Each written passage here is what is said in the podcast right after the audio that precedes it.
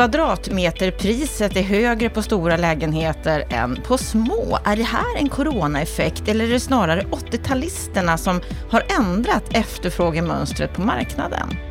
Finns det en risk att bostadsrallyt, de stigande priserna, gör svenskarna mer sårbara? Ja, det menar Henrik Mittelman i en artikel här i veckan, men han får mothugg av både Hedi Bel Habib och Lars E.O. Svensson som båda menar att skuldkvoten inte ger en korrekt vägledning. Att det är hushållen med högst inkomst som har de högsta bolånen och att kreditrestriktionerna förstärker klyftorna till nackdel för dem med låga inkomster som saknar kapital. Varmt välkommen till veckans Aktuellt här på Bopolpodden. Jag heter Anna Bellman.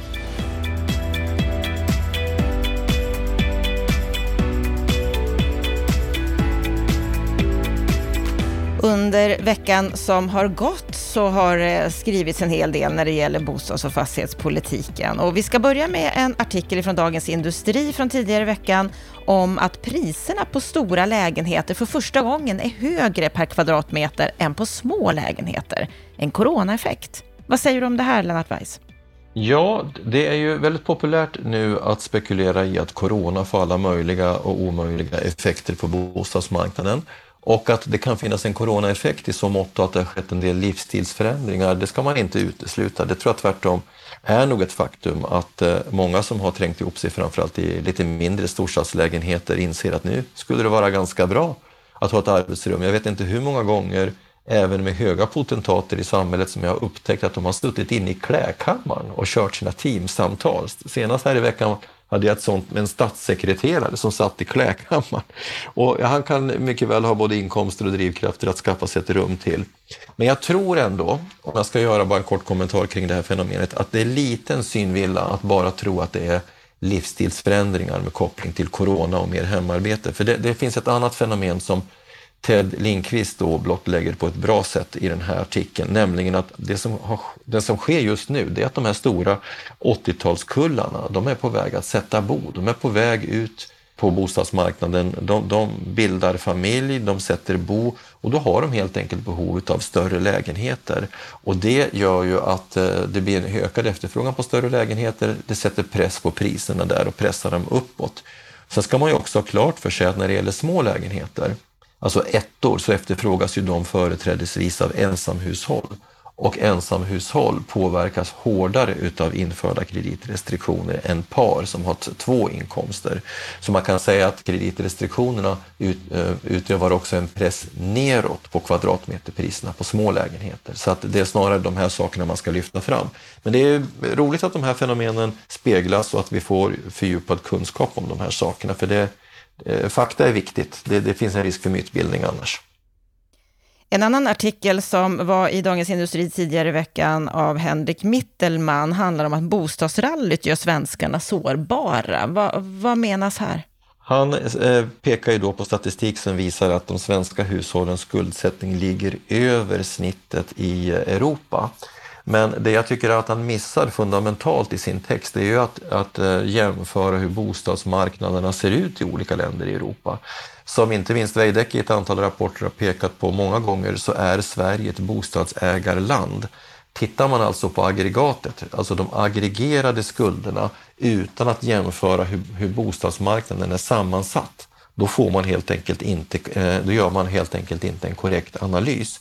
I Sverige så äger 60, så, så, så, utgör eh, ägda bostäder 65-66 procent utav beståndet och ungefär 70-72 procent av hushållen bor i ägda bostäder. Det ger naturligtvis en, en högre andel utav, eh, det ger en högre total skuldsättning än i ett land med, där hyresrätter dominerar. Men han, han för ett resonemang som jag gärna vill citera. Han skriver så här. Hushållens skuldsättning i relation till värdet på alla eh, tillgångar är inte hög eftersom förmögenheten har lyft eh, mer än skulderna. Men i relation till arbetsinkomster har skulderna rasat till nya eh, rekordnivåer. Hur Sverige skiljer sig från andra länder, det är intressant att studera och här blir man oroad.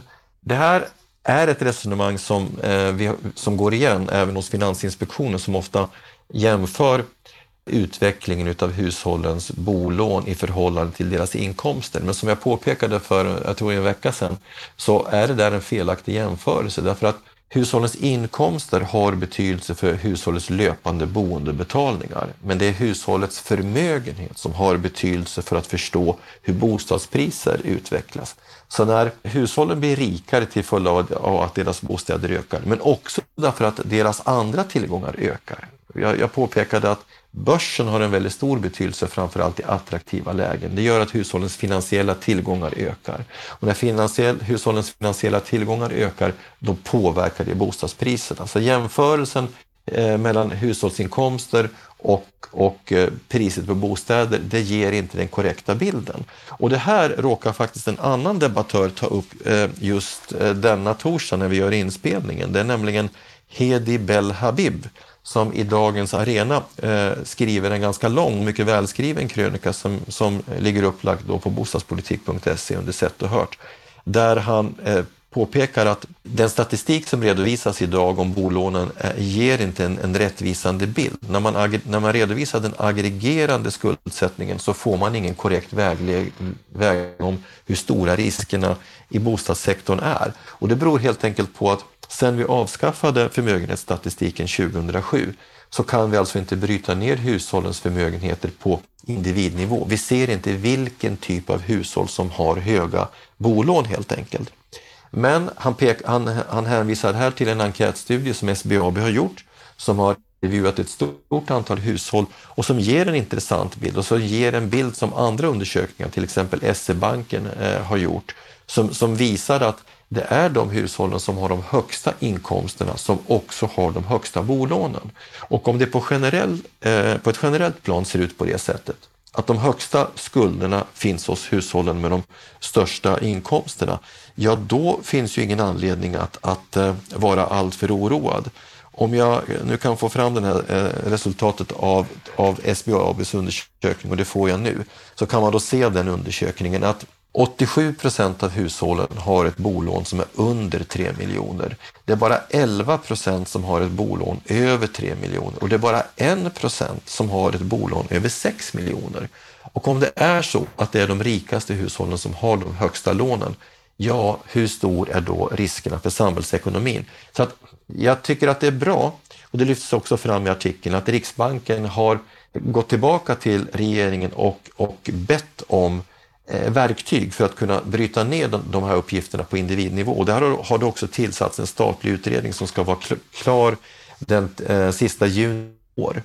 Och vi får bara hoppas att den utredaren kommer fram till ett svar på hur man ska få fram den här typen av eh, individbaserad statistik. Därför att det kommer att göra att den här väldigt tillyxade diskussionen som vi har idag, som inte minst drivs av både Riksbanken och, Kredit och Finansinspektionen, kommer att få mer nyanser.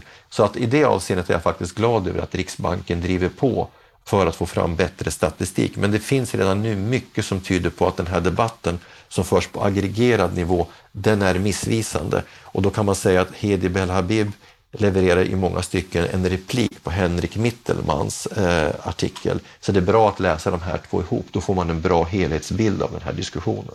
Det han skriver också, Hedi, det är att det är tidigast år 2022, alltså nästa år, som Riksbanken kan få rättsliga förutsättningar för att kunna samla in data rörande hushållens tillgångar.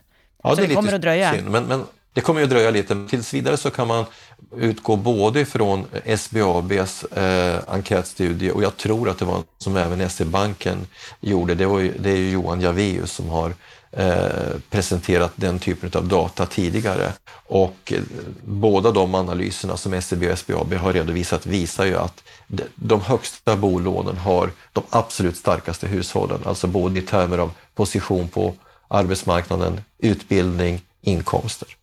Vi ska avsluta veckans Aktuellt med att eh, citera och nämna Lars E.O. Svensson, som vi ju har nämnt förut tidigare. Nu har han uppdaterat siffror på Ekonomistas om just amorteringskraven, att de saknar påvisbar samhällsnytta och har stora individuella och sociala kostnader. Vad är det han mm. poängterar den här gången? Ja, nu har han uppdaterat den data han redovisade 2017 när det andra amorteringskravet in, eh, infördes. Han visade redan då att det inte var priserna eh, som har en, utgör den största undanträngningseffekten utan att den största undanträngningseffekten av unga hushåll utgörs av kreditrestriktionerna. Och han påpekar ju att eh, att eh, kreditrestriktionerna har en stark fördelningspolitisk effekt. Eh, de leder till att de svagaste hushållen utestängs från de billigaste bostäderna. Och med vetenskapliga metoder så borrar han sig igenom statistikmaterialet, han har uppdaterat de här siffrorna. Han kan alltså visa att jämfört med 2014 års situation på bostadsmarknaden så, så kan man säga att med eh, dagens eh, villkor så eh, med 7 procents eh, kalpräntor och, och amorteringsregler så, så kan eh, Eh, 26 procent eh, utav ungdomarna i relevant eh, ålder då efterfrågar bostäder. Och tidigare så var det 54 procent. Med Bankföreningens förslag till amorteringsregler som var mycket mildare så kunde 54 procent efterfråga. Så att undanträngningseffekten är väldigt, väldigt stor. Nu är det ett omfattande material han redovisar där, men jag vill ändå liksom lyfta fram den här texten för att det man kan se i diskussionen, och det, och det är ett mönster som upprepar sig hela tiden, Finansinspektionen med väldigt svepande argumentation hävdar att kritiken mot kreditrestriktioner är överdriven. Lars E.O. Svensson går ner i detaljer och det gör för övrigt även Harry Flam och John Hassler och, och Robert Boye. De går ner i detaljer, de redovisar räkneexempel, de jämför olika grupper med varandra och så avfärdas det väldigt svepande av Finansinspektionen eller så svarar de inte. Det, det, är också en taktik som man har utvecklat, att man svar, går inte i svaromål, man tar inte genmäle, man ställer inte upp i debatter. Alltså, det här är ett exempel på en debatt där kritikerna har vunnit eh, en förkrossande jordskredsseger eh, mätt som faktaargument. Man har liksom kunnat visa att skuldkvoten är under kontroll, hushållens belåningsgrader är under kontroll, den ligger eh, betryggande under 50 procent idag. Och när, man, när man tittar på hushållens tillgångar och säkerheter så är de betryggande. När man tittar på hushållens återbetalningsförmåga så är den minst sagt betryggande. När man tittar på fördelningen utav hushållens bostadslån mellan olika inkomstgrupper så har det en bra profil. När man tittar på lån i förhållande till antal ägda bostäder eh, och, och hänsyn till att Sverige är ett bostadsägarland så är de här sakerna under kontroll. Men här finns någon sorts cementerad eh, övergripande eh, grundsyn på, på Riksbanken och Finansinspektionen som gör att faktaargument biter inte på dem. Men de här, det här debattsvepet som vi har redogjort för nu, Mittelman, Hedi Belhabib, Lars Svensson, läser man de artiklarna så får man en väldigt god inblick i de här frågorna och då kan man ställa sig frågan själv, är verkligen dagens kreditrestriktioner motiverade? Och jag menar ju att de är helt orimliga. Här måste man kunna anlägga ett generationsperspektiv och ett livscykelperspektiv. Det vill säga, det är klart att vi ska amortera, men det kan inte vara förnuftigt dramatiskt i framkant utav unga familjers eh, bostadskarriär. Det ska rimligen ske senare. Man ska hjälpa ungdomar in på bostadsmarknaden när de bildar familj. Då ska de ha fördelaktiga villkor. Sen när de har fått ordning på sin ekonomi och köpt allt man ska göra till ett hushåll, då ska de börja amortera. Här har vi helt fel ordning i Sverige och det är tyvärr två myndigheter som är skulden till det hela och politikerna klarar inte av debatten och orkar inte vidta rätt åtgärder. Just den här frågan om kreditrestriktioner, den lär vi fortsätta att ta upp här i Bopolpodden. Vi gör det ju i princip varje vecka och vi får se hur länge Finansinspektionen, Riksbanken, klarar av att ducka i den här frågan. Stort tack för att du har varit med oss och lyssnat på veckans Aktuellt. Med detta så önskar vi dig en riktigt trevlig helg.